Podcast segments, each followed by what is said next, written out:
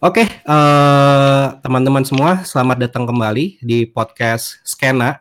Da, uh, dalam kurung ada E-nya gitu dalam kurung sekenanya aja. Di mana di sini uh, kita, kita uh, teman-teman yang ngumpul di sini bakal bahas soal skena, tapi ya skenanya aja gitu, yang yang kita tahu aja gitu ya.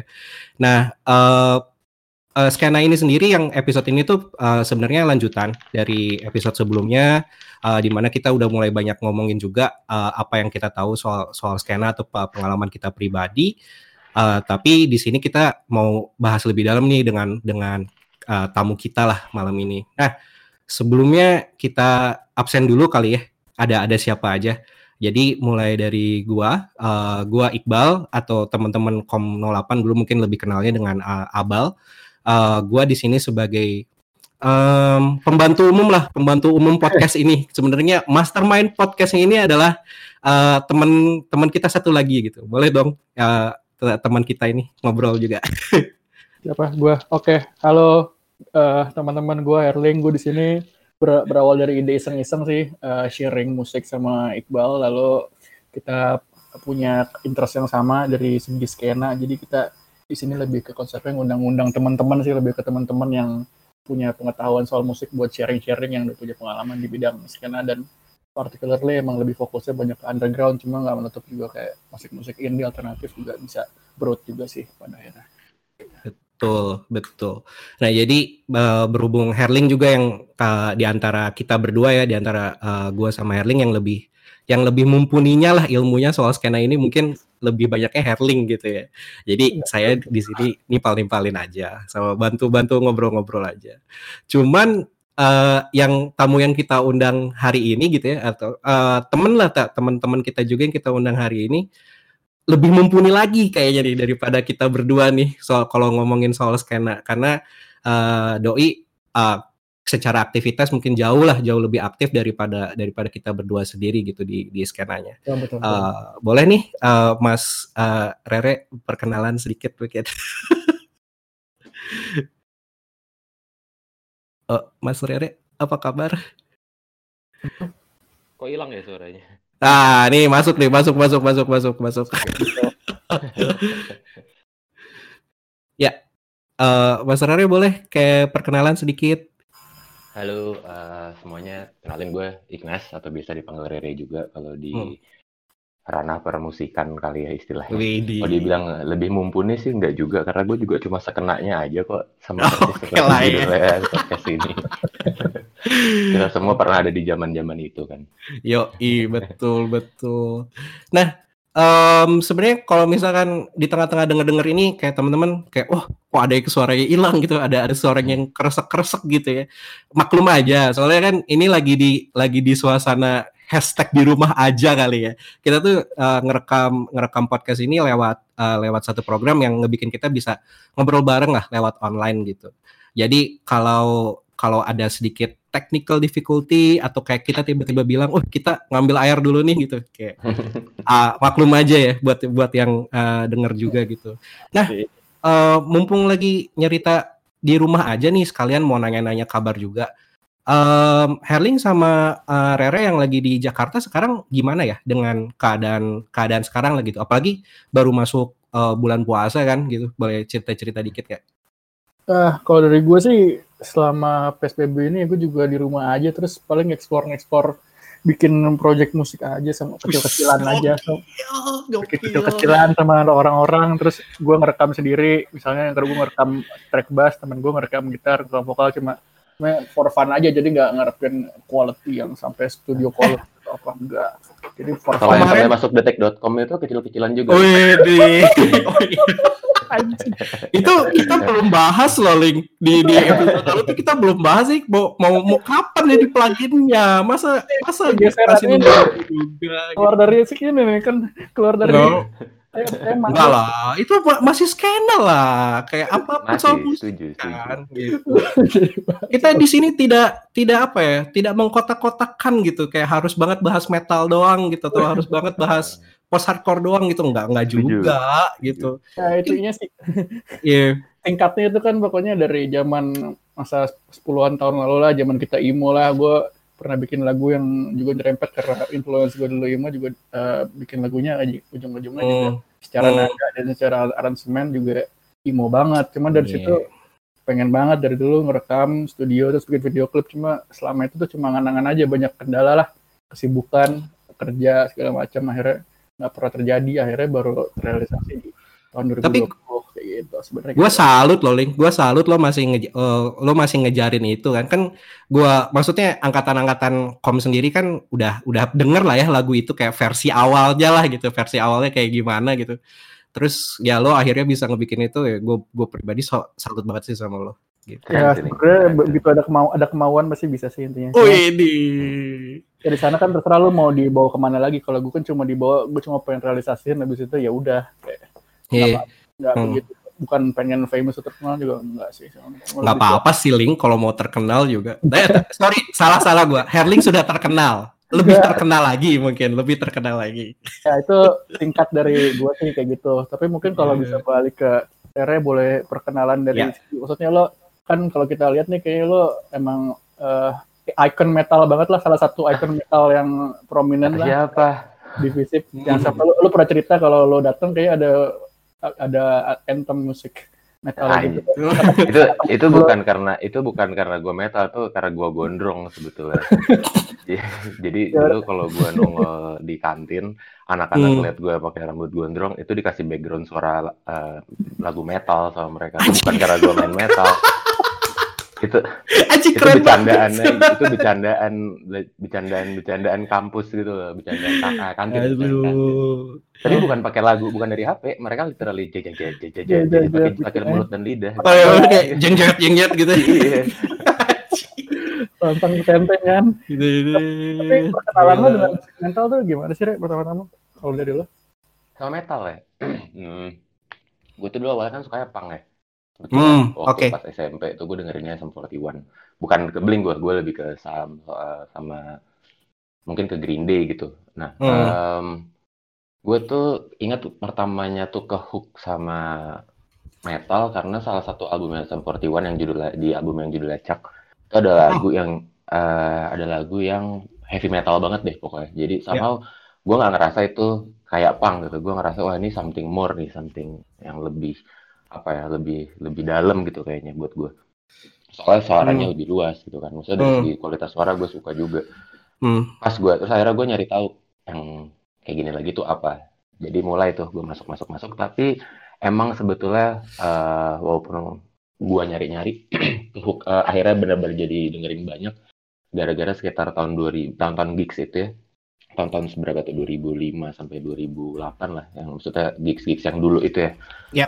Um, itu banyak banget teman gue yang tiba-tiba bilang eh ada band ini mainin lagu metal, ada band ini main lagu metal dan gue denger oh ternyata metal tuh asik juga ya bukan bukan lagu buat orang-orang penyendiri gitu loh maksudnya ini lagu yang bisa dinikmatin bareng-bareng gitu yeah. bukan kayak lu dengar lu lu selera lu aneh sendiri kalau lu suka metal jadi gue hmm. merasa oh ternyata it's fine untuk suka metal. Nah dari situ baru gue nyari band nyari band nyari band. Ujung-ujungnya gue malah lupa dengerin genre lain gara-gara gue kasihkan di metal.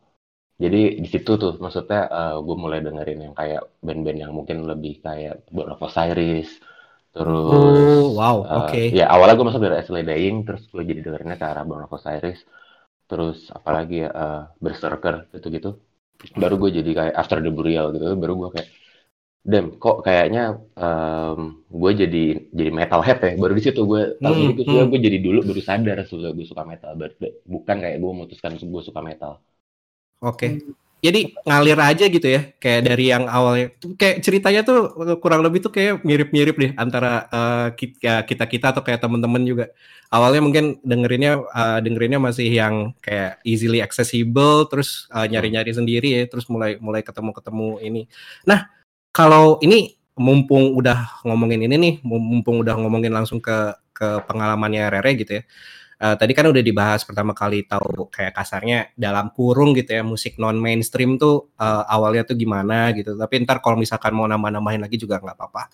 Nah kalau misalkan uh, skena lokal nih sendiri nih, uh, ingat uh, bisa cerita nggak kayak pertama kali tuh either datang ke gigs gitu atau kayak uh, atau bahkan apakah pas pertama datang ke gigs itu sudah sebagai uh, performer bukan bukan lagi sebagai fans lagi gitu. Hmm. Gue inget-inget dulu ya, udah lama. Boleh, boleh nggak apa-apa, nggak apa-apa. Kalau Herling gimana ceritanya? Herling sih, Herling sih dulu uh, ini boleh ya Herling lah yang jawab, masa gue yang jawab? Kalau gue sih awalnya juga ya sedikit mirip sih dari, dari mulai dengerin punk rock punk rockan, gue sih dengerin Blink, Sam 41 juga dengerin, yang Chuck juga tuh gue dengerin We Are To Blame gitu-gitu, terus uh, dari lingkungan sih, terus uh, waktu itu di SMA teman-teman gue uh, di angkatan gue waktu itu salah satunya Gazali, Re, itu masih dengar kayak oh ini keren nih Esala Daing yang mainin si Abin dulu Abinara Ark. Itu kan keren banget. Gila jago banget double pedal lagi. Apaan sih kan keren terus akhirnya kita pada dengerin Esala Daing oh dari situ tuh gerbangnya tuh udah kayak eh di situ ada acara nih di intro kalau nggak salah itu ya di Pasir Putih atau Kemang ya. Udah dari situ band-band skena lokal metal terus ngerempet juga ada Seringai ada Killed by Butterfly ada apa ya March Ark itu dari situ yeah. perkenalan gue jadi jadi berlanjut. Dan kebetulan sih lingkungan lingkungan juga ngaruh banget sih ya zaman SMA tuh teman-teman tongkrongan emang kebetulan pada dengerin lagu itu dan akhirnya kita ngeband juga bawa ini nyerempetnya ke lagu-lagu kayak gitu dari mulai yang core metal bocah kayak uh, apa sih Alexis on Fire sama sebelumnya tuh bawain My Chemical Romance bawain apa lagi sih uh, Story of the Year gitu-gitu akhirnya masuk ke yang lebih metal kayak Alexis on Fire itu yeah. masih imocore sih terus ada itu, ada alurnya gitu ya. Iya, yeah, habis itu makin kencang lagi bawa Nestle Dying jadi Power Sprague. Gradual.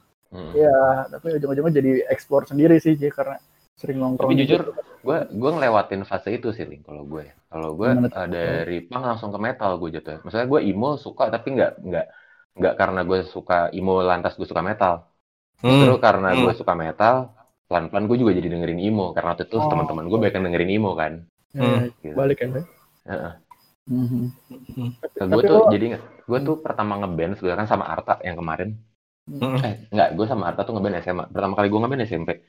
Um, itu gue udah itu gue mainnya masih pang sama ya band band band anak SMP mainin pop lah ya pop pop yang waktu itu lagi keren kayak Shilon Seven gitu gitu ya. Yep.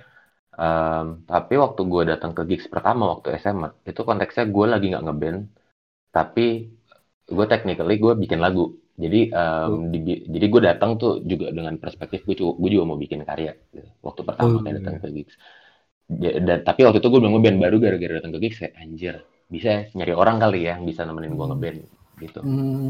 tapi kalau ngomongin ngeband kan lo uh, erat kaitannya banget sama gitar ya lo sebagai gitaris ya maksudnya perkenalan lo tuh dengan gitar tuh gimana sih lo bisa jadi pintu oh, gitar oh, itu dari gue kecil dari emang gue main gitar dari kecil main klasik dulu gue Maksudnya dari keluarga lo emang uh, nurture lo yeah. buat di bidang musik, gitar, particularly atau gimana? Iya. Yeah. Se apa bokap bokap gue pengen anak-anaknya bisa main alat musik semua. Eh, pakai nenek gue pengen anak-anak keturunannya lah pokoknya bisa main alat musik semua.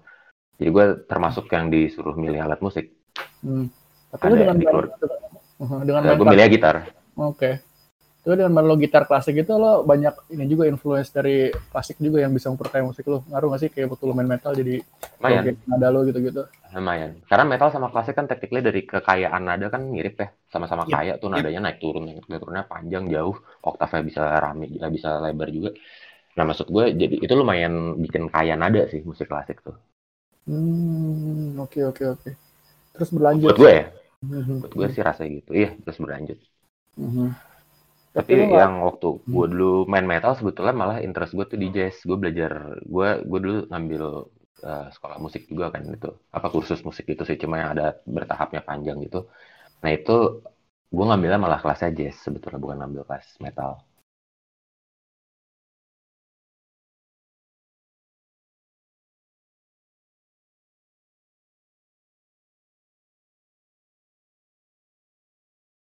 Hmm tapi maksudnya emang lo punya seneng punya passion buat bisa ngebagi ilmu lo ke orang gitu lo itu hal yang menyenangkan buat lo maksudnya nggak semua gitaris uh, eager buat jadi guru atau buat jadi dosen atau buat I... gitu kan. Maksudnya apa iya yang sih. Misi yang lo mau misi yang lo mau, mau bawa itu apa sih di situ?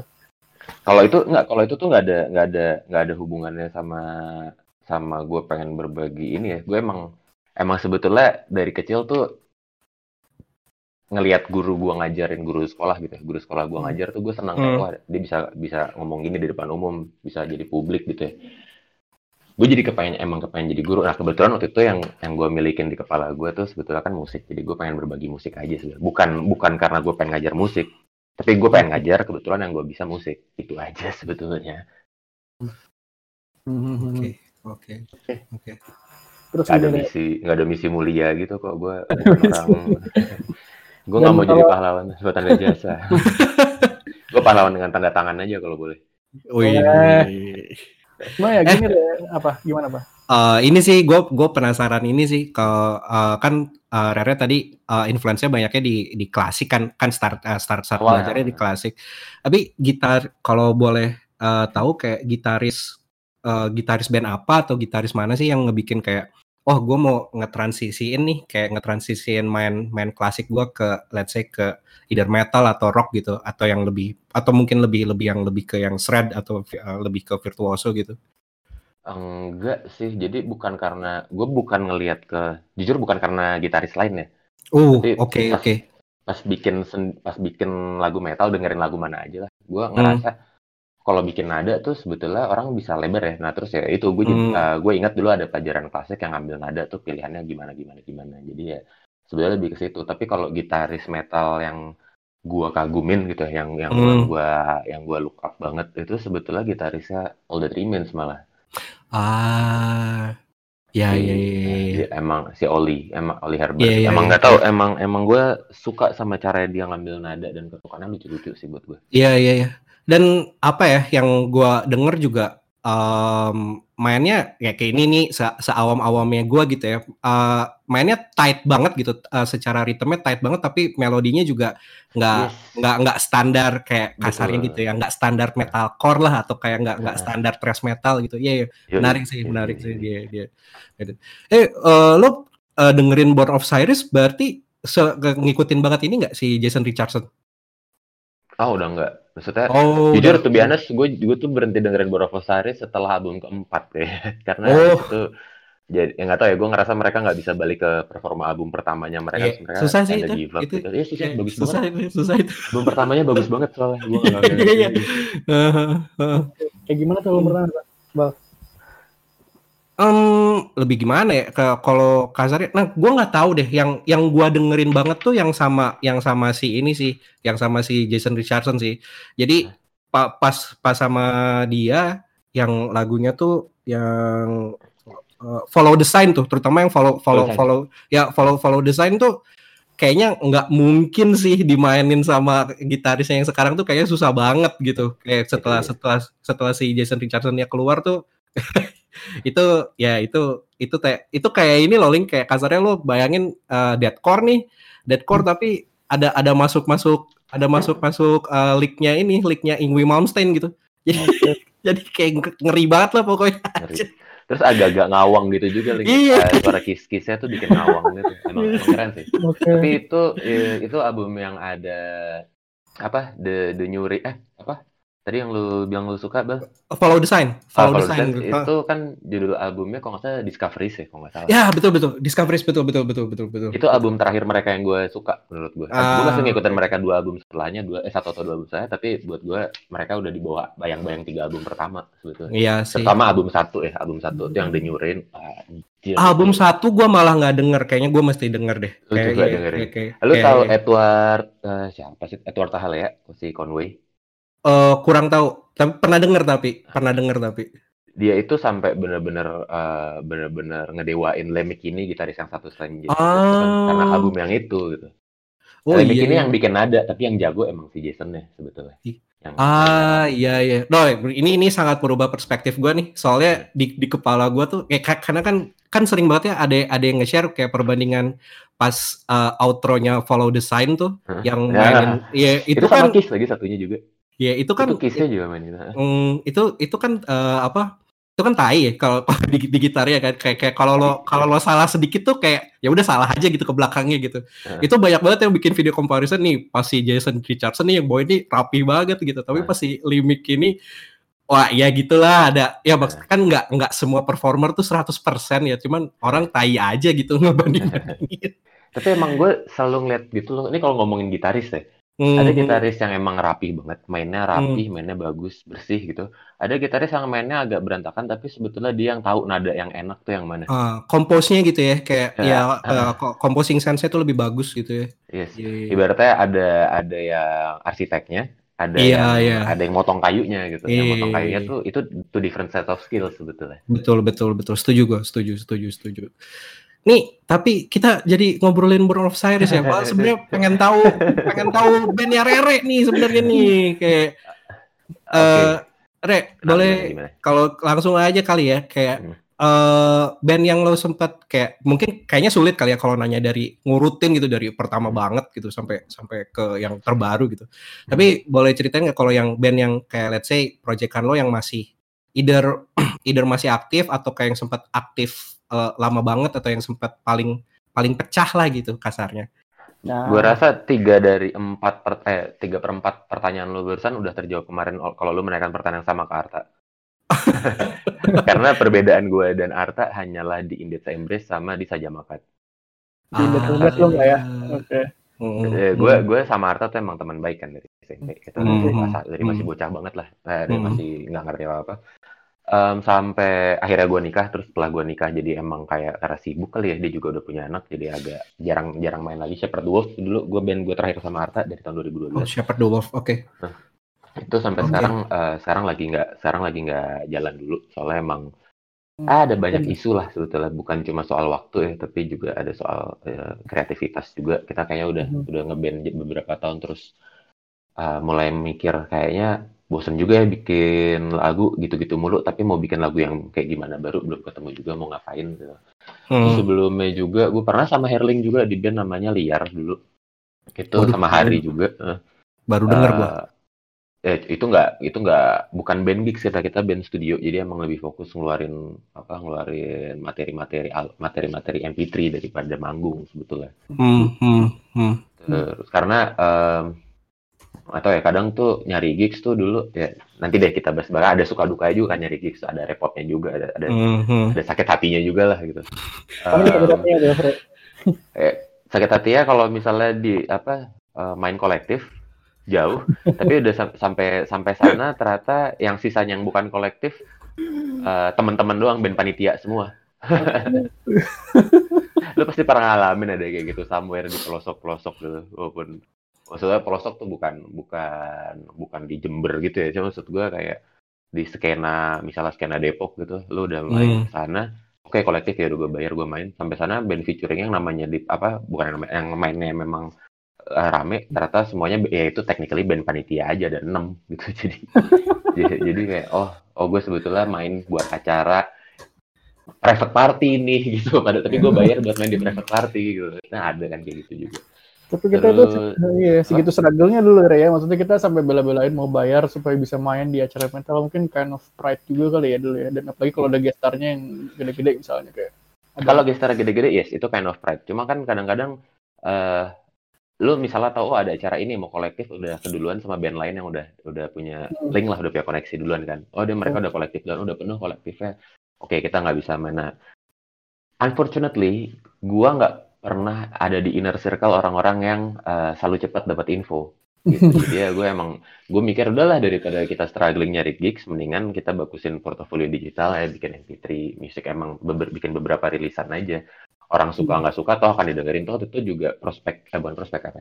Uh, game ya. End game-nya tuh bukan untuk terkenal atau untuk hmm. punya nama atau dilihat wah ini band bagus tapi emang kita mau bikin musik bagus aja udah that's it nggak nggak nggak usah neko-neko mau gimana juga gitu mau terkenal atau apa jadi ya udahlah MP3 dulu gitu toh kita hmm. nggak uh, mengalami kesulitan di sisi yang lain kan jadi daripada terus bikin itu nggak berkarya kan tetap aja bikin lagu aja lah gitu hmm. itu sih hmm. dulu mikirnya gitu nah itu liar terus sebelumnya lagi uh, ini yang mungkin quote and quote paling dulu beredar tahun 2006 2007 itu namanya Knowing Apple.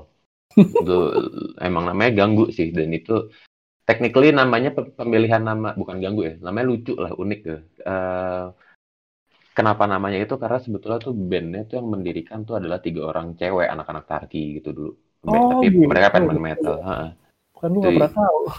itu kan si Kishi terus ya, Eci sama siapa lagi ya itu. Nah, itu kan emang, ya? emang anak-anak metal. Iya, iya, Kishi itu tadi. Oh. Nah, terus waktu itu karena kita uh, waktu itu gue sama dia main di acaranya PL sama tadi, acara prom. Prom terus kayak udahlah diterusin aja bikin band baru aja ya. Udah bikin. Nah, karena Kishi ini hitungannya cukup beredar, jadi lumayan sering dapat gigs dulu tuh, lumayan sering manggung-manggung. Hmm. Tapi ya gigsnya tuh kalau nggak salah tuh dulu nama-namanya tuh yang kayak Blood Brothers, itu yang di Maroti, gitu-gitu. Terus Stardust yang di mana tuh di Sarinah, gitu-gitulah itu dulu lumayan lumayan apa ya lumayan hitungannya band gue yang paling sering manggung yang itulah tapi gue tuh masih SMA kan kelas tiga apa kuliah awal-awal hmm. jadi belum gue daya, daya daya cipta gue belum belum begitu bagus lah. Jadi mandek hmm. juga ujung-ujungnya. Di band itu gue kenal lo juga pertama kali. Karena band itu lo kenal gue kenal lo juga betul. Kenal lo di mana sih inget banget soalnya. Yoi. itu gue kenal Kishi dulu kalau nggak salah deh. Gue lupa kenal Kishi dari mana terus kenalin sama lo, lo Iya, kenal Kishi. Ah, pokoknya ada hubungannya sama Hari sama Kiko juga pokoknya. Iya, nah Kiko kan belakangan Kiko, Kiko, hmm. Kiko belakangan. Cuma waktu ya, itu ya. akhirnya kita, ternyata kita satu kampus. Akhirnya waktu itu masih SMA SMA. Iya, benar-benar SMA SMA. Kita satu kampus. Dan akhirnya waktu itu bal gue sama Rere lumayan uh, sedikit beredar lah di KMF komunitas musik. Wih, beredar ngomong-ngomong KMF bisa ada kasus nih anak KMF. iya, iya cuy. Aduh, itu itu baik lagi tuh. Kenapa? Kenapa? Gak tahu gue malah itu biasa kayak akhir-akhir ini tuh ada kayak eh, almost almost a meme gitu ya. Kayak lo mesti hati-hati sama cowok yang pakai kacamata, rambut kelimisan terus ada kumis-kumis tipisnya gitu cuy. Soalnya seksual predator aja iya anjir. Iya ada ada kasusnya anak kayak gue nggak nggak ngerti detailnya sih. Kayak gue baca cuman gue gua nggak inget lah karena ya ya unfortunately saking banyaknya gitu ya kasus-kasus kayak hmm, gitu, hmm, gitu. sampai sampai jadi memes gitu. Tapi ya ya gitulah gitu. Hubungannya sama KMF apa tuh? Dia anak KMF. Mulai rilisan, mulai rilisan. Ya. Kita meng, apa, sangat menentang perilakunya dan kita akan menindak bla bla bla gitulah. Eh, dia bukan anggota doang ya, kayak kalau nggak salah apa ya, kayak pemegang pengurus harian apa apa gitu eh. pokoknya. Iya, makanya makanya sampai sampai dikeluarin statement itu juga mungkin dari dari KMF. Soalnya dia megang jabatan gitu dan akhirnya di ya di di di depak lah gitu. Tapi salut sih, salut buat KMF gua uh, ngelakuin move itu gitu ya. Soalnya hmm. sebelum-sebelumnya kan ada kasus-kasus uh, ada anak ini sensitif sih. Jadi ada anak komunitas lain gitu yang uh, uh, uh, allege uh, allegedly uh, terlibat juga uh, terlibat juga jadi seksual predator gitu tapi kayak agak dilindungi lah gitu sama komunitasnya. Oh, jadi, okay gue salut sih sama KMF gue pribadi lihat itu. Itu angkatan baru ya, junior ya atau gimana sih? Junior iya. lah, masih aktif kuliah, di kampus. Masih, masih aktif Oke, oke, oke. Jadi zaman kita kan lu link predatornya. Udah terjadi jadian gua. Aduh, aduh, aduh, aduh, aduh. Yeah. Tapi ya dia di situ sih per, uh, di pergerakan KMF itu gue mulai ya lumayan akrab sama Rere itu banyak kita jatuh bangun di situ sih dari mulai Ya, banyak trial and error kita ya di situ. Ya. Trial and error ngumpul-ngumpulin orang, maksudnya kita kita ya gue sama Rere punya kelebihan mungkin kita mau ngayo-ayoin orang aja sebenarnya sih kelebihannya iya, itu iya. sama. Eh, ini mumpung ngomongin KMF nih, dulu kan uh. tapi ini sorry ya kalau gue salah ya karena gue agak-agak ini waktu itu ada festival blues di di Visip itu proyeknya okay. KMF bukan? Iya, proyeknya KMF. Ah, oke. Okay, Nggak ada kayaknya sekarang ya, gue nggak tahu. Oh, gue nggak pernah denger lagi sih. Iya, Kayak gue gue pribadi nggak pernah denger lagi. Jingga Blues ya gue atau apa Iya Jingga Blues betul betul betul. Nah, boleh ceritain tuh itu kayak ceritanya lumayan seru tuh betul. Oh itu seru itu seru itu seru banget cuma gue rasa kita perlu ngajak Rama juga nih kalau mau ngobrol. Rama Rama politik 2009. Iya sih yeah. menarik. Bi, dikit deh Re, dikit deh. Nah, ya buat jadi kayak kasarnya teaser nih. Ntar kita uh, biar uh, lebih lebih seru lagi sama Rama gitu. Boleh. Itu jadi itu kan acaranya tanggal uh, eh, 17 Oktober. Eh sorry, tanggal hmm. 10 Oktober tahun 2010. Oh, ingat aja loh. Tanggal 10 bulan 10 tahun 10 soalnya. Hmm. um, kita baru dibikin kepanitiaan tuh bulan Agustus.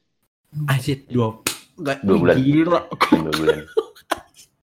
jadi emang kepanitiaannya tuh sebenarnya kecil. Kepanitiaan kecil. Uh, ketuanya tuh jadi gini, awalnya tuh senior-senior di KMF ada namanya Ken Gambo sama ya, ada namanya Febrio Marta ya sekarang udah jadi Rio Nasdem namanya hmm. dia uh, mereka sama ada beberapa senior lain juga ya yang yang lebih yang lebih senior lagi dari kuatnya itu mereka ternyata punya kenal mereka pernah nongkrong di satu cafe blues gitu dan dan mereka ngobrol sama yang bikin acara itu namanya Ina Blues yang bikin acaranya blues. Oh, shit. Uh, itu bikin bikinannya almarhum baru meninggal nih uh, Oding Nasution baru hmm. banget pergi. Uh, itu mereka ngerasa wah oh, anak-anak muda ini semangat juga ya sampai nonton acara blues. Pas ngobrol mereka bikin dong skalanya level kampus. Oh bisa aja sih om gitu. Uh, nanti kita bantuin. Inabdus udah bilang tuh mau bantuin. Terus abis itu tiba-tiba out of nowhere dadakan banget gua Rama Todi dan beberapa anak KMF yang waktu itu lagi aktif. Yang 2008 kayak gua doang ya. Link lu ikut gak sih? Nggak ya? Hmm, yang dekat apartemen Dharma Wangsa Oh yang waktu itu gue nggak ikut ya, karena ikut ya? gue belakangan ikut ya. Nah itu dikumpulin terus dibilang ini kita mau ketemu sama Inables. Waktu ketemu mereka bilang iya yuk bikin acara. Uh, bahasa yang sering kita pakai dulu tuh levelnya mau kayak JGTC tapi ini versi versi blues. Anjing. Hamin dua bulan banget nih. Kan semua ketawa ya. Nggak mungkin om. Nggak bisa nggak bisa. Terus dia bilang udah art, uh, artis kita yang bantuin deh. Wow. mereka bilang pas mereka bilang gitu wah bisa kali ya akhirnya waktu itu kita datengin artisnya tuh lumayan banyak ya dan nama-nama yang sekarang juga nama-nama yang cukup gede gitu cuma waktu itu karena dibantu sama Ina Blues practically untuk uh, dana artis kita nggak keluar banyak. Jadi itu emang ah, terbantu banget. Untuk sponsorship juga kita dibantu sama mereka, mereka dikasih koneksi-koneksi gitu, kita yang nyamperin, kita yang presentasiin mau bikin apa. Dan emang alhamdulillah banyak yang tembus. Jadi sebetulnya dua bulan itu um, sangat terbantu karena Inablis juga uh, ngebantu kita. Cuma gimana pun um, itu kan kayak Roro Jonggrang juga kan lu disuruh bikin hmm, dua bulan men waktu dua bulan technically bahkan kerjanya tuh sebulan karena sisanya sebulan lagi itu lebih banyak ngomongin meeting. Itu hmm. yang namanya gue sama Rama juga baru nongkrong beberapa bulan lah. Itu langsung hmm. langsung langsung jadi deket, langsung jadi teman baik sampai sekarang karena intens ya, intens ya, intens banget ya.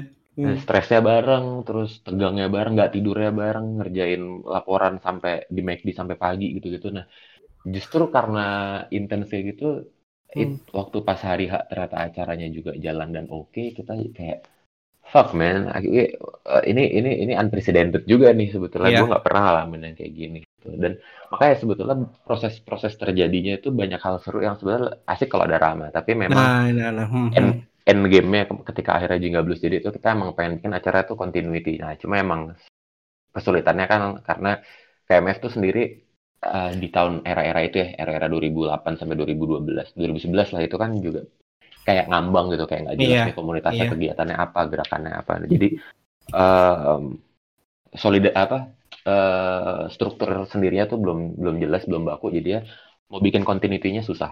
Akhirnya hmm. itu ada yang tahun depannya tetap bikin tapi skalanya jauh lebih kecil. Tahun depannya bikin skala lebih gede. Nah ini gue harus sebut nama orang-orang yang berhasil bikin lanjutin itu dengan bagus. Tuh bagus si Bagus Prawi Hadi Prawira sama uh, aduh ada satu lagi anaknya gondrong gue lupa tapi namanya. Ya terus ada Cobra juga. Nah udah generasi ini tuh yang bikin sebetulnya. Uh, mungkin sudah bisa mempertahankan juga Blues cuma gue jujur gue nggak tahu sih apa enggak hmm, hmm.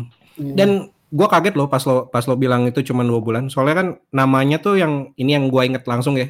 Kayak ada ada Gugun kan ada Gugun ada Gugun, ada Gugun Blue Shelter ada Rama Satria juga. Eh, Gugun gak ada sorry. Adanya Rama adanya Rama.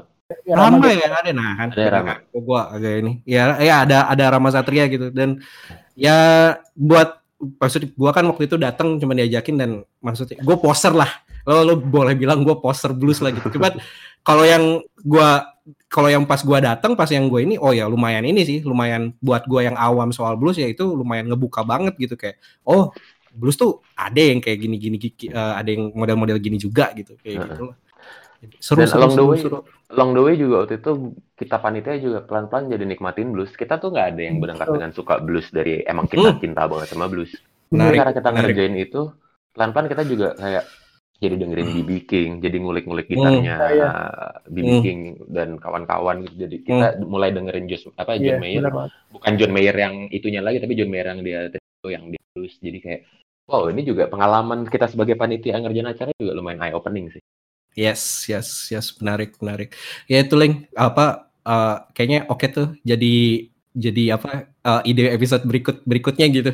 Kayak Aduh. ngomongin suka hmm. dukanya KMF lah. Kayak menarik Boleh, sih. Ayo. Menarik tuh. itu dalam kurung menubirkan KMF gitu. Tapi itu memang spot on banget yang dibilang dari dari uh, Jingga Blues itu emang ngebuka eye opening eye, eye opener banget buat kita kayak kalau gue ya kayak mulai gue mulai cari tahu Rama Satria siapa sih gue jadi kenal Gugun dan sampai sekarang gue jadi dengerin lagu lagi Gugun juga karena gerbangnya dari situ sih dan sebuting juga sih kayak kita bareng-bareng di situ dan ya gue sama Rama juga jadi lumayan akrab juga dari gara acara itu. Dan jadi ini sih kayak berkesan. Sama Rama Satrianya? Bukan bukan Rama Satria. Oh ngeri banget loh kayak datang acara sekali ada ada ada cerita lucu tuh, ada cerita lucu tentang uh, Rama dan Rama Satria tuh. Waduh, menarik. Jadi nih. waktu itu um, pokoknya si kata dana yang kita punya itu nggak uh, dana dana budget buat hire artis yang kita punya itu yang dialokasiin buat Rama tuh ternyata nggak sesuai sama permintaannya dia. Wah, oh. terus itu gue itu gue yang habis ngobrol sama manajernya kalau gue agak-agak lupa ingat sih gue. Nah tapi um, pokoknya malam itu tuh gue ngedown. Pokoknya kayak anjing kalau Rama Satria nggak datang, di siapa ya? Terus gue nggak berapa lama gue ditelepon sama orang Inablus nanya update, gue cerita iya gini gini gini gini gini gini. Terus malam itu gue janjian sama Rama KMF, Rama Politik hmm. di di Bremer. Pokoknya ada di bar di Jakarta Selatan gitu. Kayak udahlah nongkrong aja yuk kita biar nggak pusing-pusing amat. Gitu. Pas Rama belum nyampe, ada telepon masuk ke gue. Gue angkat kan. Halo gitu halo uh, ini Rama nih ini Rama gitu. Oh kenapa Ram gitu uh, ini posisinya di mana? Oh gue di Bremer. Terus gue mulai ngerasa kok suaranya agak aneh ya gitu. Um, iya nih tadi gue ditelepon sama orang Inablus. Oh kenapa Ram? Gitu uh, aduh bentar deh bentar bentar. Sama dia teleponnya ditutup. Terus gue mikir waduh ini orang Inablus mau ngomong mau ngomel kali ya tentang gue ya. Mungkin gue nggak deliver kali ya atau gimana. Uh. terus Rama nelpon pakai pakai nomornya dia. Lu di mana nas? Di Bremer oh ya udah gue udah mau nyampe. Lu barusan nelpon gue kenapa? Bukan gue yang nelpon lu. Dia tadi ramai siapa? Gitu. Ah oh, gue nggak tahu. Udah gue tutup pas gue cek nomor yang tadi nelpon gue gue cek SMS itu tuh gue belum pakai BBM tuh. Gue masih pakai SMS gue cek nomornya. Gue gue pernah nih SMS-nya orang. Ternyata Rama Satria coy yang yang nelpon gue wah tadi gue tutup lagi teleponnya. Gue bilang aduh gue nggak bisa denger suara lo lagi. Gue tutup ya. Ah fuck gue gue makin in deep shit nih. Udah lama nggak suka eh, nggak nggak deal sama udah nggak deal harga. Gue tutup teleponnya makin gue ternyata terus dia dia nelpon gue lagi waktu pas eh gue nelpon gue keluar eh, gue keluar ke pinggir jalan biar agak sepi terus gue nelpon Rama Satria lagi. Bilang iya gue hmm. cuma mau bilang gak apa-apa deh harga segitu kita tetap jadi jadi dia mau nelpon gue tuh mau ngasih tau ya udah harga segitu nggak apa gue tetap main di acara lo tapi gue tutup teleponnya karena gue pikir itu ramah KMF gitu. Untung dia nggak gitu sama gue Aduh, itu apa apa pelajaran ya lain kali kalau nge-save kontak tuh yang lengkap kali gitu. Yeah. atau, gimana? Atau nanya dulu kali. Suaranya juga mirip ya itu eh, karena mungkin karena bising kali ya jadi gue kurang dengar jelas oh. ya ya intinya sih gue gue langsung ngedon anjingnya gue makin dibantai lagi nih tapi Rama Satria gue tutup dengan tidak hmm. terhormat lagi. Gitu ternyata hmm. untungnya baik-baik aja. Ay, alur ceritanya ke situ ya. Awalnya tadi gue mikir alur cerita tuh bakal kayak oh ya udah karena Rama Satria nggak bisa main kita Rama KMF aja yang main jadi jadi guest starnya gitu. Itu sempat sempat gue mau gituin sama lo aja. Oh ya dan, dan waktu Rama akhirnya parkir kan. Rama parkir kan gue bisa pun Rama Satria tuh. Uh. akhirnya di Larga sama parkir gue di, uh, waktu dia jalan nyebrang mau masuk ke Bremer parkiran tuh di seberang Bremer waktu dia mau masuk uh. gue lagi di tengah jalan gue joget joget gue literally joget di tengah jalan di depan teman karena kita dapat Rama Satria bro yeah. literally nari nari di tengah jalan eh tapi aduh sorry dia jadi jadi panjang yeah. banget nih soal si Jika Blues tapi ini ra, uh, rame sih soalnya lu tadi kan ngomongin soal kayak proyek ini kan Roro Jongrang gitu ya kayak dua hmm. bulan doang gitu cuman Ya, ini mungkin skalanya nggak skalanya nggak nggak valid kali ya kalau dia mau sini. Cuma pengalaman pribadi tuh kayak sesuatu yang direncanakan kayak mendadakan tapi kayak semuanya mau tuh lebih jalan nggak sih dibandingkan yeah, iya. kayak yeah. udah berwacana bertahun bertahun-tahun kita bikin ini bikin ini tapi ya nggak ada yang gerak aja gitu karena nggak ada deadline yang jelasnya. Gitu. Yo, iya benar. Ini kayak dadakan asal semua mau. Iya. Bener-bener kayak ini aja kalau contoh kecilnya nih langsung relate ke kita, Rere gue baru ajakin kemarin nih sebenarnya. Rere pengganti tadinya teman gue, cuma nggak bisa. Kan. Waduh. Ya gue bukan pilihan pertama. ya. Waduh. Enggak, lu pilihan selanjutnya episode ketiga. Ya tetap aja bukan pilihan pertama. Pilihan pertamanya Aku bukan pilihan, Ling. Komplainnya ke Herling ya, saya, saya tidak tidak terlibat dalam hal ini tapi anyway ya intinya sebenarnya tidak segala tulis short notice jadi jalan aja begitu. Kalau dari iya gue iya lu iya bal jalan. Jadi iya iya sih iya sih. Emang ya emang emang niat dan deadline itu bisa bisa memacu memacu segalanya sih ya gue bahkan baru bilang ke bini gue gue mau malam ini ada ngerekam podcast baru tadi setengah jam sebelumnya jadi eh, biar dia biar kan ya maksudnya lu tinggal serumah kalau lu tiba-tiba ngabisin waktu lu sejam ngobrol di telepon kan ini kan maksudnya yeah, lu, yeah, lu ngapain yeah. sih gitu ini gue hmm. setengah jam sebelumnya kayak oh iya gue hari ini mau ngerekam podcast sebelum lu pengas tau lu bilang aja ya batangan kok ini yang ngobrolnya nggak ada ini kok. Santai santai gitu kayak. Atau atau mungkin mau diajak bisa aja nggak apa-apa. Tapi anyway sekarang lo masih ini ya masih dalam uh, state buat kompos kompos musik gitu masih sering. Kompos masih cuma jujur uh, gue lagi agak meninggalkan metal sekarang karena hmm. uh, ada ada ada jemunya lah ada ada gue mending uh, ada ada lelahnya juga gitu bikin lagu metal. Tapi dengerin sih masih. Terutama hmm. gue malah sekarang jadi baliknya tapi metal yang agak general ke Slipknot gue sekarang. Tapi ah, oh itu shame-nya kalau mau Slipknot ya nggak jadi ya Kenapa, kenapa iya tapi gue iya, udah iya. nonton sih untungnya. Udah, iya. udah lumayan lah mengobati ya? oke oke oke. Di mana dulu nonton ya di Notfest Jepang. Oh Notfest okay. Notfest Jepang jadi lo datang ke festival-festival sampai keluar negeri dijabanin ya maksudnya lo uh, passion iya. lo musik rock metal gitu lumayan kuat ya berarti ya. Yoi. Gue untungnya uh, emang emang apa ya? Jadi banyak band-band yang kayak King Gizzard gitu kan kemarin juga sempat mampir di Indonesia. Cuma gue keburu keburu penasarannya waktu dia main di Jepang sama di Thailand jadi gue ikutin gitu. Jadi emang karena apa ya? Karena kebet, uh, kebetulan sekarang tuh banyak band-band yang asik ya buat diikutin tapi jarang ke Indonesia. Hmm. Jadi ya, jadi setuju, ada setuju. ada sekalian ininya juga sekalian misi juga gitu ngejar mereka nonton keluar. Sebetulnya awalnya nih gara-gara Teca, Teca sama Chandra ngajakin gue nonton hmm. Funeral for a Friend di Singapura, ya, Singapura ya? di Singapura oh, waktu eh, konser terakhir mereka sebelum bubar.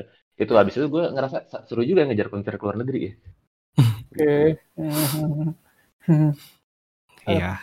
Apa yang bikin seru tuh? Ada jalan-jalan juga gitu ya? Ada sense emang lu pengen buat mereka gitu. Jadi waktu lu nonton lu khusyuk buat rasanya.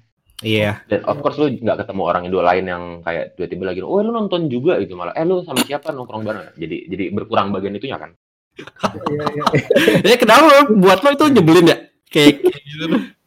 Uh, buat gue itu akan mendi akan jadi rasanya kayak gue arisan nih arisan band yang manggung emang gue suka gitu.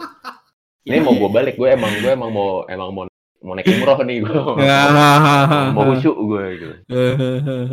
Oke bukan okay, bukan berarti itu nyebelin tapi maknanya jadi beda nggak apa-apa sih kalau nyebelin juga. Kadang-kadang nyebelin soalnya kayak kadang-kadang mau khusyuk tapi diajakin ke sana sini kan. Tapi lo kalau ngeliat metal tuh hmm. gimana way of life atau maksudnya kan sebagai orang yang lumayan filosofis ya maksud gue lo ah, ini iya. kayak metal tuh way of life atau cuma kayak hobi aja buat interest atau gimana? Metal itu ada dua cerita deh. Satu metal tuh is in my blood. Ceh hmm. ini Mantap. literally karena karena waktu pas gue di Singapura mau nonton FF FF itu gue udah lepas semua atribut logam gue dan masuk ke bandara. Pas di bandara udah lewat scanner tapi badan gue nggak lolos. Badan gue selalu bunyi di metal detector Terus lucu banget sih. anak-anak dari anak-anak yang udah lolos dulu pada teriak metal is in his blood pak, lu gak bisa hmm. ngecekin dia, gak mungkin lolos. Eh bikin malu sih sama orang doa ya di bandara-bandara luar. Cuma itu itu satu. Yang kedua um, sebetulnya metal tuh buat gue menggambarkan kebebasan sih. Hmm. Uh, hmm. Bebas tuh asin. Uh, lu bebas memilih nada. Sama kayak jazz ya. Metal tuh lu bener-bener nggak dibatasi lu mau nada kayak apa mau ribetnya kayak apa mau simple kayak apa Um, tapi lu dikasih ruang yang begitu luas untuk lu naruh nada lu. Cuma memang masih ada prasyaratnya ya. Lu harus heavy, lu harus padat, hmm. lu harus marah gitu ya. Hmm. Tapi mengeluarkan marah sendiri itu kan juga sebetulnya salah satu bentuk kebebasan. Nah, terus um, sementara apa ya? Gua gue termasuk orang yang percaya bahwa nada tuh juga nggak boleh dibatasin gitu aja. Kayak misalnya tiba-tiba lu dengerin Dead Squad, Dead Squad tuh ada lagunya yang uh, replika manufaktur baptis kalau nggak salah tiba-tiba hmm. di tengahnya jadi agak agak smooth jazz gitu terus balik hmm. jadi metal hmm. dan itu menyenangkan kan sebetulnya hmm. hmm. dengar ada ada hal kayak gitu belum hmm. lagi soal kalau ngomongin metalhead metalhead itu adalah um, apa ya kumpulan orang yang menurut gue paling menyenangkan sih karena hmm. lu mau mosingnya segila apa pun mau lu urakannya kayak apa mau lu bengep bengep di dalam pit tapi kalau misalnya ada yang jatuh semuanya berhenti dulu dibangunin dulu baru betul betul even cewek gue eh istri gue istri gue tuh sebetulnya sukanya dulu K-pop kan Hmm. Um, waktu pas dia itu dia pernah megang salah satu acara ya, dia pernah megang PR Hammersonic eh PR brandnya Hammersonic uh, dia dapetin gue eh pokoknya gue sama dia akhirnya jadi nonton Hammersonic bareng. Dia baru ngeliat oh anak metal tuh ternyata solid solid ya. Dan dan nggak ada yang bener-bener kelihatannya doang rusuh gondrong belel.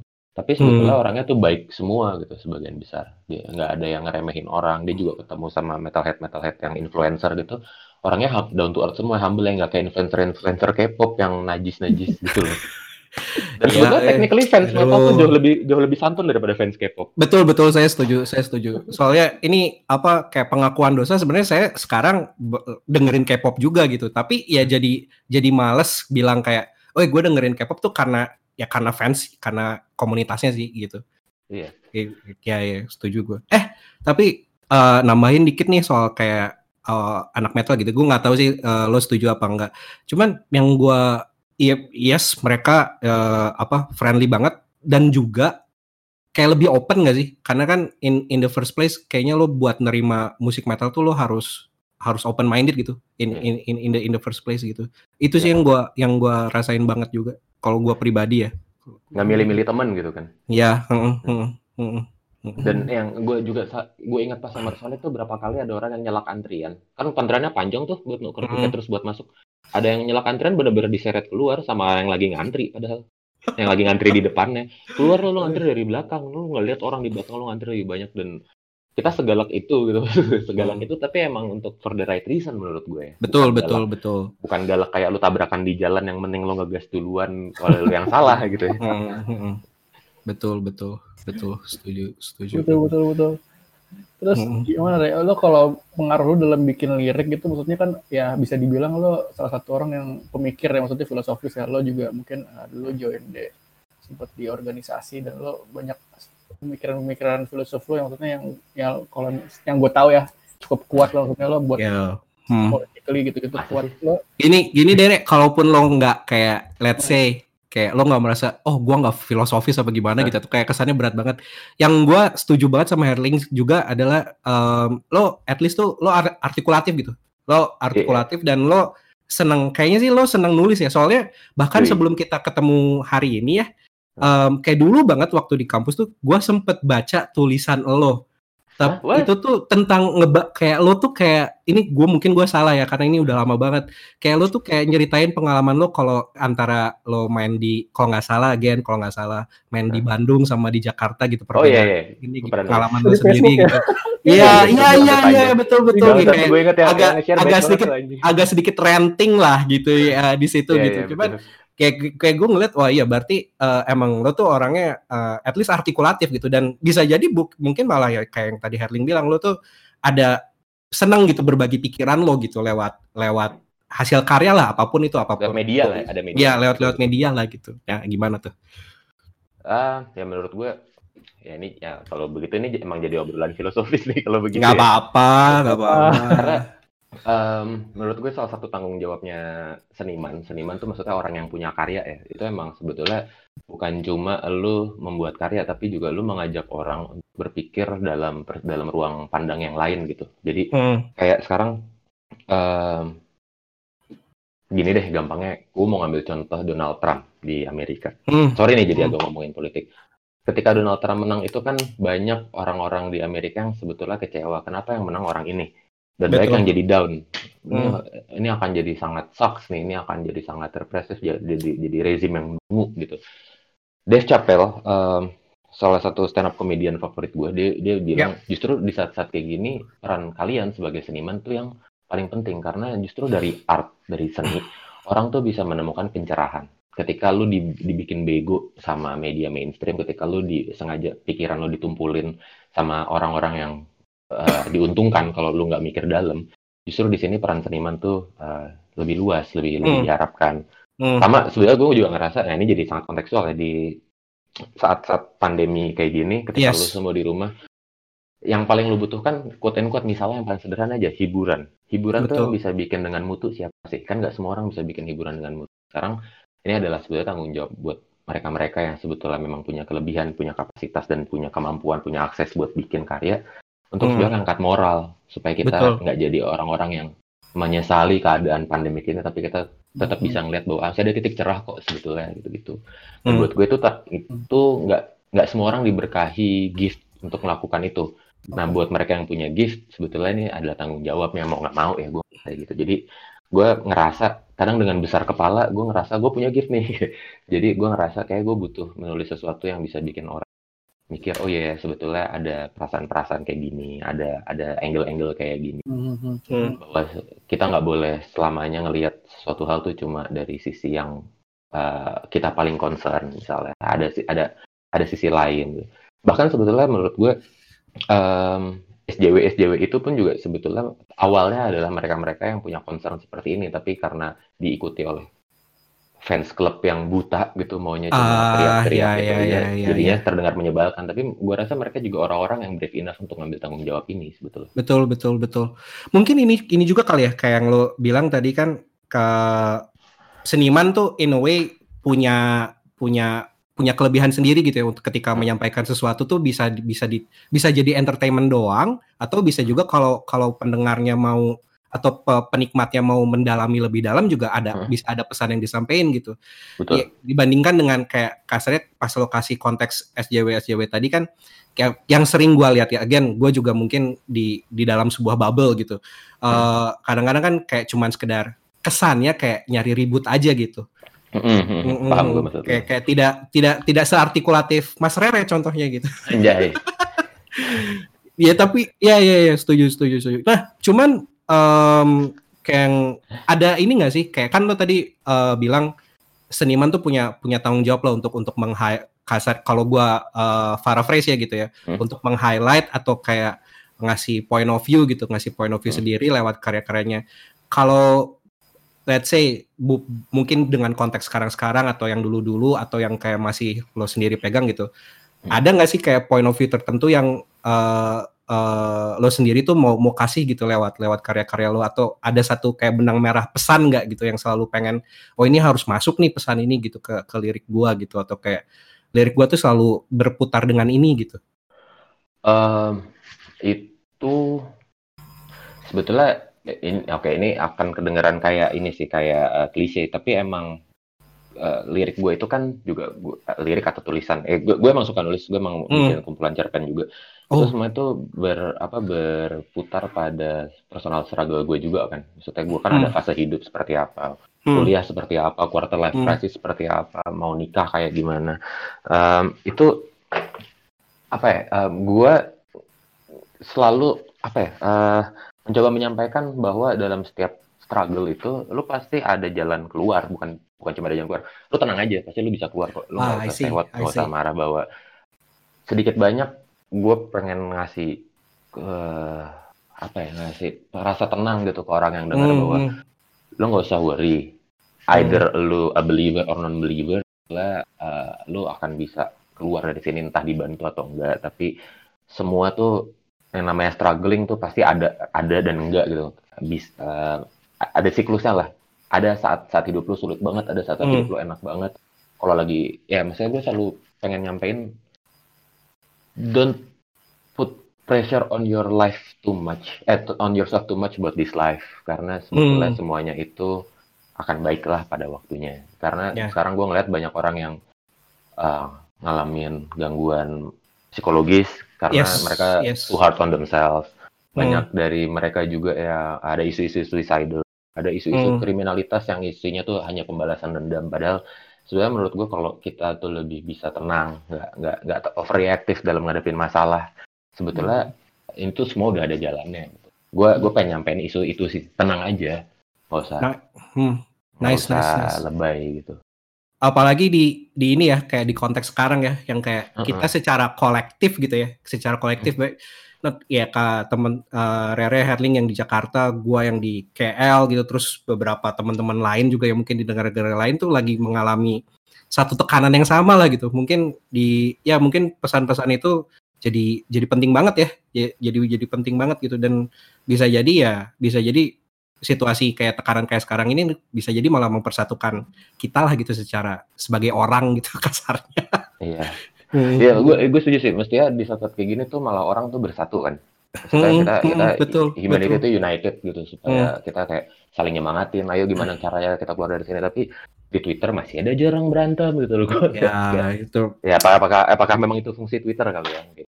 itu favorite pastime mungkin kalau di Twitter tuh kayaknya kalau nggak nggak berantem sama orang tuh kalau nggak berantem hmm. sama orang nggak kenyang kali ya iya, kalau di Twitter hmm.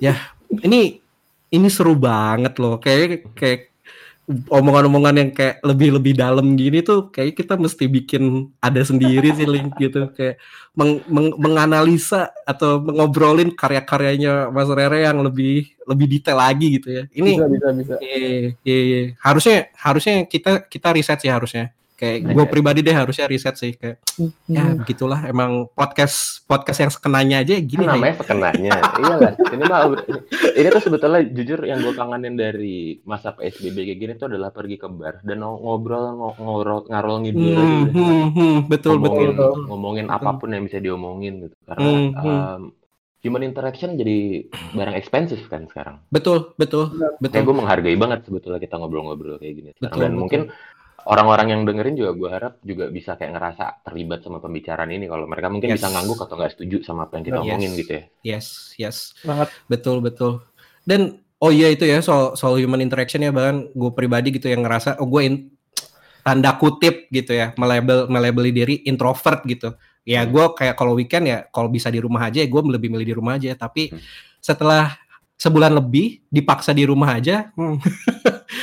saya tidak seintrovert itu kayaknya tapi ini kalau gue boleh boleh boleh bahas sedikit nih ya. Hmm, boleh, uh, intro, karena gue juga kadang ngerasa gue tuh uh, kadang sangat ekstrovert sangat meluap-luap kadang gue sangat tertutup juga tapi hmm. emang sebetulnya kebutuhannya seorang introvert itu kan ketika lu mengobservasi kan bukan berarti nggak ada stimulus betul, bukan berarti betul, lu menutup betul, diri betul, tapi betul. lu diam lu menganalisa lu ngeliat orang lain ngapain oh ini gini lu membangun betul. cerita di kepala lu apa yang dialamin sama orang ini sehari harinya lu membayangkan betul. hidup mereka seperti apa betul. sekarang dengan lu di rumah doang lu nggak bisa ketemu ya lu sos bisa ketemu orang di jalan sosmed doang gitu dan sosmed kan banyak banyak filternya gitu kan Betul. sosmed tuh kan banyak top lu, ya ada topeng yang lo pakai lah ketika topeng. di itu dan lu nggak bisa ngelihat anak kecil gandengan sama ibunya di sosmed hmm ya ya, ya misalnya ya, lu lagi ya. jalan terus ngeliat anak kecil nangis nangis ibunya coba nangis ngeliat ibunya umur muda dan lo oh ya ini adalah problematika manusia nih ibu iya. muda dengan anaknya yang rewel gitu.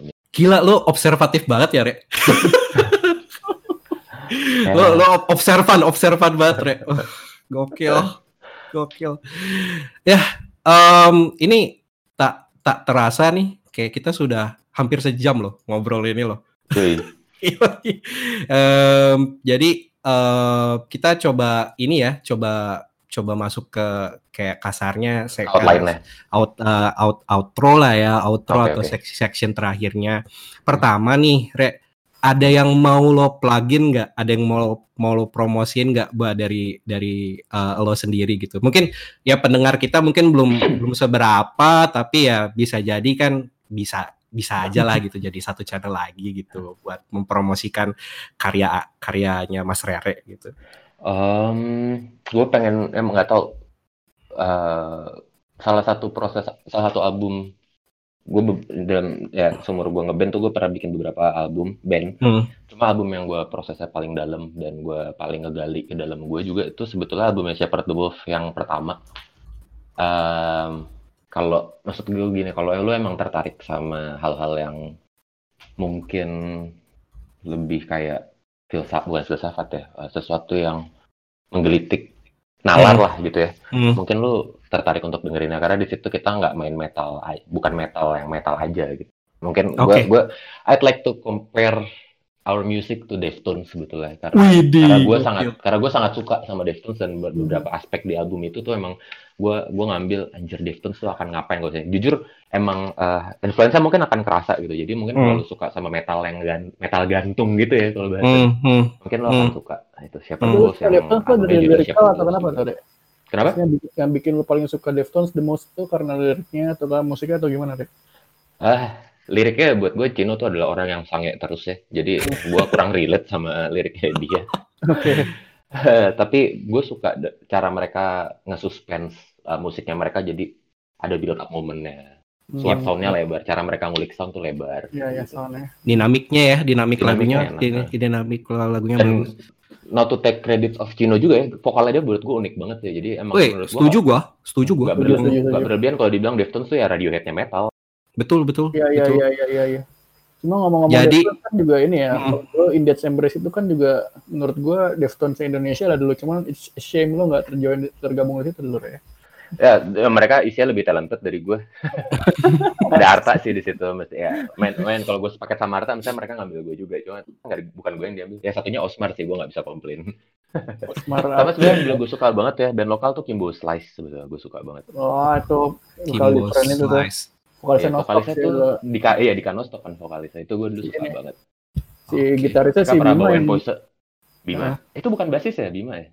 Bima gitarisnya oh, dia John, yang basisnya John bassisnya John gitarisnya si Bima yang ngerekam lagu gue sebenarnya itu dia oh. dia ngerekam gitar ya itu asik banget dan mereka pernah bawain Poison Well dan karena mereka bawain Poison hmm. Well gue jadi dengerin Poison Well sekarang iya, mereka bawainnya asik gitu mereka PTW Hopswell banget sih dua itu dia. Kalau mungkin kalau dari mereka ada yang denger uh, podcast ini, gue pengen angkat topi buat mereka karena mereka juga eye opener sih buat gue. Hmm. Sama kayak iya. Nostok. Iya gila hmm. sih Kimbo Slice Nostok itu. Huh? Keren sih mereka itu dari dari Rere ya. Nah, hmm. biar uh, ini sebenarnya pengennya di awal tadi link, tapi biar kita ada credibility-nya dikit lah kalau kalau ngomongin musik-musik yang side stream gitu ya atau yang non mainstream lah dalam tanda kutip gitu. Ada yang uh, gue pengen pengen bikin kayak section baru gitu loh, kayak ada yang kita rekomendasi ini minggu ini gitu, kayak either rilisan baru yang baru kita denger atau kayak even rilisan lama gitu ya kayak artis lama tapi kita baru nemu nih gitu sebelum sebelum podcast ini gitu yang mau kita yang mau kita share lo ada nggak link? Gue sih jujur uh, kalau yang masih relate sama itu gue lagi dengerin dance dance Kevin dance deh. Oh DGD ya DGD ya nah, oke oke oke. Nggak tahu sih menurut gue keren banget dan teknikal banget dan arahnya mungkin agak-agak gent gitu ya dan teknikal yep. dan yep. gue suka banget sih dari dulu dari mulai album yang namanya Happiness itu gue dengerin banget sampai sekarang mereka baru aja ngeluarin album namanya Afterburner itu menurut gue hmm. kayak makin dewasa sih dan makin uh, ear catchy dan ada satu lagu namanya Three Wishes itu gue suka banget lagu itu jadi itu okay. worth, worth to worth to ini sih worth to listen sih kalau buat orang-orang okay. yang gitu. dari dari Rere nih ada nggak yang mau direkomend? Stream ya? Side stream hmm, tuh enggak, kayak gimana? Enggak, enggak, gue ini kayak kayak ini sih kayak maksudnya ke sebenarnya sih awalnya gue kepikirnya not necessarily harus musik metal gitu kasarnya oh, kalaupun iya. ada ada uh, kayak up, uh, uprising artis gitu atau apa yang kayak oh nih lo pada nih kayaknya nggak tahu nih gitu gue tapi nemu nih pengen gue share gitu aduh gue gue tuh jujur setelah gue selesai kuliah gue nggak terlalu banyak ngegali musik-musik baru ya tapi um, hmm. I would like to recommend King Gizzard sebetulnya King Gizzard dan Lizard Wizard sih orang udah banyak denger juga tapi album yang Nonagon album itu album hmm, album hmm. yang Nonagon Infinity soalnya bukan album yang baru ya soalnya hmm. uh, itu di Nonagon tuh apa ya gue ngerasa dari sound yang raw aja sebenarnya lu tetap bisa bikin kualitas musik yang kelas kok walaupun tuh soundnya uh, jadi okay. raw ya okay. sama I would also recommend Ultraista hmm. uh, Ultraista yaitu Ultraista ini band sebenarnya tapi mereka sangat Tom York-ish Oh, oke. Okay. Iya, jadi tapi bukan bukan Radiohead ya, Tom York spesifik oh. gitu. Nah, gue tuh sebenarnya emang okay. sejak sejak lulus kuliah gue lebih banyak ke arah Tom York hmm. dan Radiohead. Jadi sekarang hmm. kayak gue mungkin kena pelan-pelan yeah. agak jauh dari metal. Yeah. Nih ntar uh, ejaan fixnya kita chat uh, chat lo ya, ya, ya, ya, ya takut takut salah gitu. Nah, gue gue gue pribadi sih satu aja kayak uh, eh, gue agak agak ini sih agak-agak kaget-kaget juga gitu kayak, wih tiba-tiba dua hari lalu nih Lamb of God man ada lagu baru gitu kan. Judulnya uh, ini kayaknya single deh, belum belum jadi album. Uh, bisa jadi gue salah, cuman uh, ntar ntar kita share aja lah link link YouTube-nya ke teman-teman yang denger bisa bisa cek-cek sendiri. Itu judulnya uh, New Colossal Hate, uh, lagu barunya kalau uh, gue pribadi sih pas denger kayak kemarin-kemarin kan sempat ada kekhawatiran gitu ya ketika uh-huh. Lamb of God ganti drummer, drummer. bakal uh, uh, bakal bakal beda banget gitu lagunya. Uh-huh. Dan emang pas yang di rilisan sebelumnya yang sebelum ini yang Memento Mori itu berasanya agak agak sedikit oh iya nih agak agak hilang nih groove groove-nya uh-huh. Lamb of God-nya nih gitu. Kayak jadi kayak kedengeran kayak metal. Metal just kayak, another kayak, metal aja. Iya, just another metal gitu. Tapi yang si New Colossal Hate ini tuh kayak itu berbuat gue pribadi sih menjawab keraguan itu sih. Kayak oh iya ya ini ini ini Lamb of God sih. Ini ini Lamb of God banget gitu. Ya uh, bisa jadi plus minus lah. Kalau misalkan teman-teman udah udah ngefans Lamb of God bakal seneng sama lagu ini kalau belum ngefans juga bakal bisa jadi uh, sesuatu yang baru untuk untuk diikutin tapi kalau misalkan sebelumnya emang udah nggak suka gitu ya sama Lamb of God ini bukan jadi sesuatu yang bakal winning you back gitu nggak nggak nggak juga gitu cuman ya ini rilisan yang mau gue rekomend aja gitu. Kalau, nah gue mau nanya nih, hmm. kalau gue selama ini selalu suka sama Lamb of God, tapi dua album terakhir nggak suka, menurut lo, gue akan suka? Um, ini ini uh, lagu-lagu yang uh, lagu-lagu yang Memento Mori, terus yang si New Colossal Hate ini, menurut gue ya, ini mirip kayak yang lama-lama sih, mirip zaman-zaman Sakramen. Jadi, Be. jadi okay. uh, walaupun ini ya uh, secara secara vokalnya udah udah nggak se udah nggak tetap ini ah. tetap tetap tetap apa ya tetap agresif tapi cara nyanyinya agak beda yang yang eh, yang sekarang. Somehow gue lupa nama vokalis ya padahal gue pengen Randy Blythe Randy Blythe. Ya ya Randy Blythe Randy Blythe ya mungkin faktor umur kali ya. Faktor umur hmm. atau kayak faktor dan gue mm. rasa dia udah nggak semarah dulu. Iya bisa jadi. Dulu kan dia marah-marah melulu tuh. iya iya. Tapi nggak tahu juga sih. Kayak cek cek aja deh. Kayak kayak menurut gue sih menarik sih. Soalnya gue gua nggak gua nggak ngerasa um, eh, eh gue ngerasanya ini kayak ini kayak back back to Lamb of God yang lama-lama gitu jadi ya hmm. itulah gitu. Menarik menarik. Nanti gue cek juga tuh. Hmm. nah um, itu satu section baru sebelum sebelum penutup gitu ya atau di bagian penutup ini yang yang mau kita kayak mungkin ke depannya bisa kita lanjutin juga sih section ini. Um, dari uh, dari Herling ada lagi yang mau ditanya-tanya ke uh, Mas Rere? Dari gue sih uh, paling pertanyaan terakhir sih mungkin. Kalau dari lo sound gitar tuh gimana sih ya? Maksudnya lo dalam lo kan termasuk orang yang ini mikirin sound banget cuman sound yang menurut lo ideal tuh buat di musik lo tuh kayak gimana sih? Gitu dong. Hmm. Um, ideal ya sebenarnya sih gini. Uh, lu seneng ya, lu seneng deh. Son nih son ngomong di panggung apa di rekaman? Iya, yeah, ya boleh rekaman, boleh panggung, boleh rekaman. Jujur, karena kalau sound panggung gue masih sangat jauh dari yang gue suka karena maksudnya salah satu yang bikin gue sekarang males panggung karena gue sebenarnya nyari malas nyari sound panggung. sound panggung itu bisa beda banget dari sound rekaman. Oke. Okay.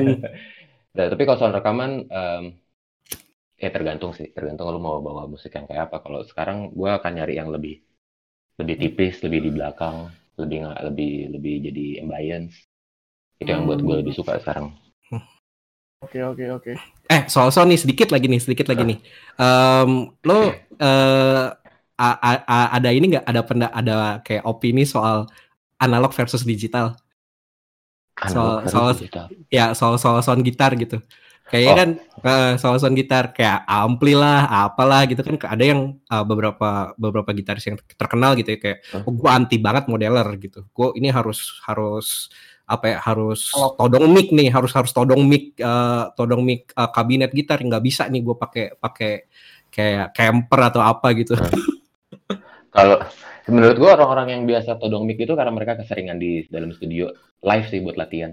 Hmm, mereka nggak okay, banyak nggak okay, banyak nggak banyak luangin waktu di nggak tahu ya mungkin emang di panggung buat ada buat check sound bisa tiga jam sendiri ngulik-ngulik sound doang karena ada beberapa teman gue yang gue tahu mereka kalau check sound emang minta panjang karena mereka sekalian mau ngulik di atas panggung tuh bakal kayak uh. gimana soundnya hmm, hmm, hmm, dan buat gue itu salah satu praktis yang orang tuh banyak sering lupain jadi uh, I see. Ya, gitulah tapi gue sendiri sebenarnya nggak ada masalah sama uh, sama audio apa digital hmm. gimana pun sound-sound yang digital gitu atau modular karena men uh, misal gue main synth analog sekarang oh. uh, terus itu gue sambungin ke alat musik yang digital itu emang gimana ya ada plus minusnya juga gitu jadi hmm. buat gitar sama buat synth sama buat keyboard tuh nggak selalu nggak selalu beda perannya buat uh, Oke oke. Sound digital gitu. Hmm, oke oke oke. Kalau di gitar sih fine fine eh emang lebih enak lebih enak ini sih analog semua kalau gitar ya i oke oke oke oke oke menarik menarik oke ya itu ya Sorry kalau kepanjangan jawabannya eh nggak nggak apa-apa kita masih kalau mau ditambah sejam lagi juga kita bikin episode baru jadinya gitu. Coba uh, ya itu ya pertanyaan kayak terakhir dari dari Herling ya gitu. Kayaknya um, kita coba uh, uh, udah dulu untuk yang uh, episode ini. Oke. Okay. Um, thank you nih, thank you, thank you banget buat Rere udah udah join. Apalagi saya uh, ya sama ya thank thank you banget udah mau ngobrol sama sama kita terutama sama saya yang poser gitu ya. Kalau sama sama Herling sih Herling ini banget. Poser gue tuh gak suka sih istilah poser tuh sebetulnya. Oke. Okay. emang kan jahat juga kalau ada orang dibilang poser. Saya poser kan negatif banget kan. Iya sih iya sih.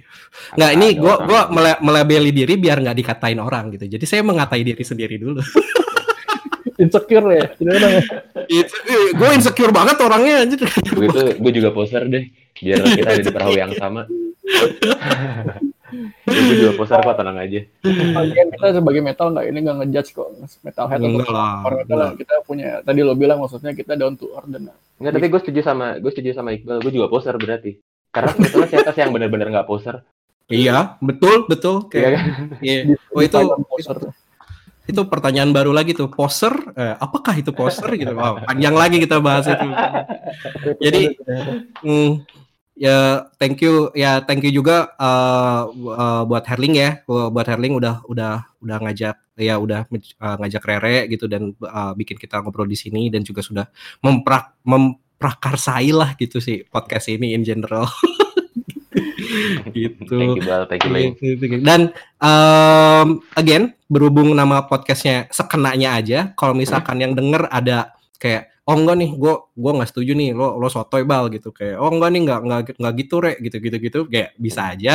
Uh, atau kayak atau mau mau ini gitu. Eh gue pengen ikutan ini dong pengen ikutan ngobrol gitu. Atau gue pengen pengen punya ide topik nih gitu. Bisa aja ntar disampaikan ke uh, sosial medianya Herling dulu ya kalau kalau sekarang gitu kan. ya, karena kita ya, ya. karena kita belum belum ada uh, belum ada uh, sosial media sendiri ke mana link?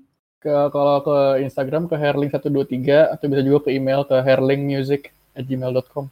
Asik, herlingmusic at gmail.com sama at herling123 ya di Instagramnya oh, ya. Iya, Oke, okay. iya. dan ini loh kalau teman-teman follow Instagramnya ya itu Herling nih sekarang ini hampir tiap hari loh ada live IG ya nggak Lik? Waduh enggak enggak enggak enggak. mau ya.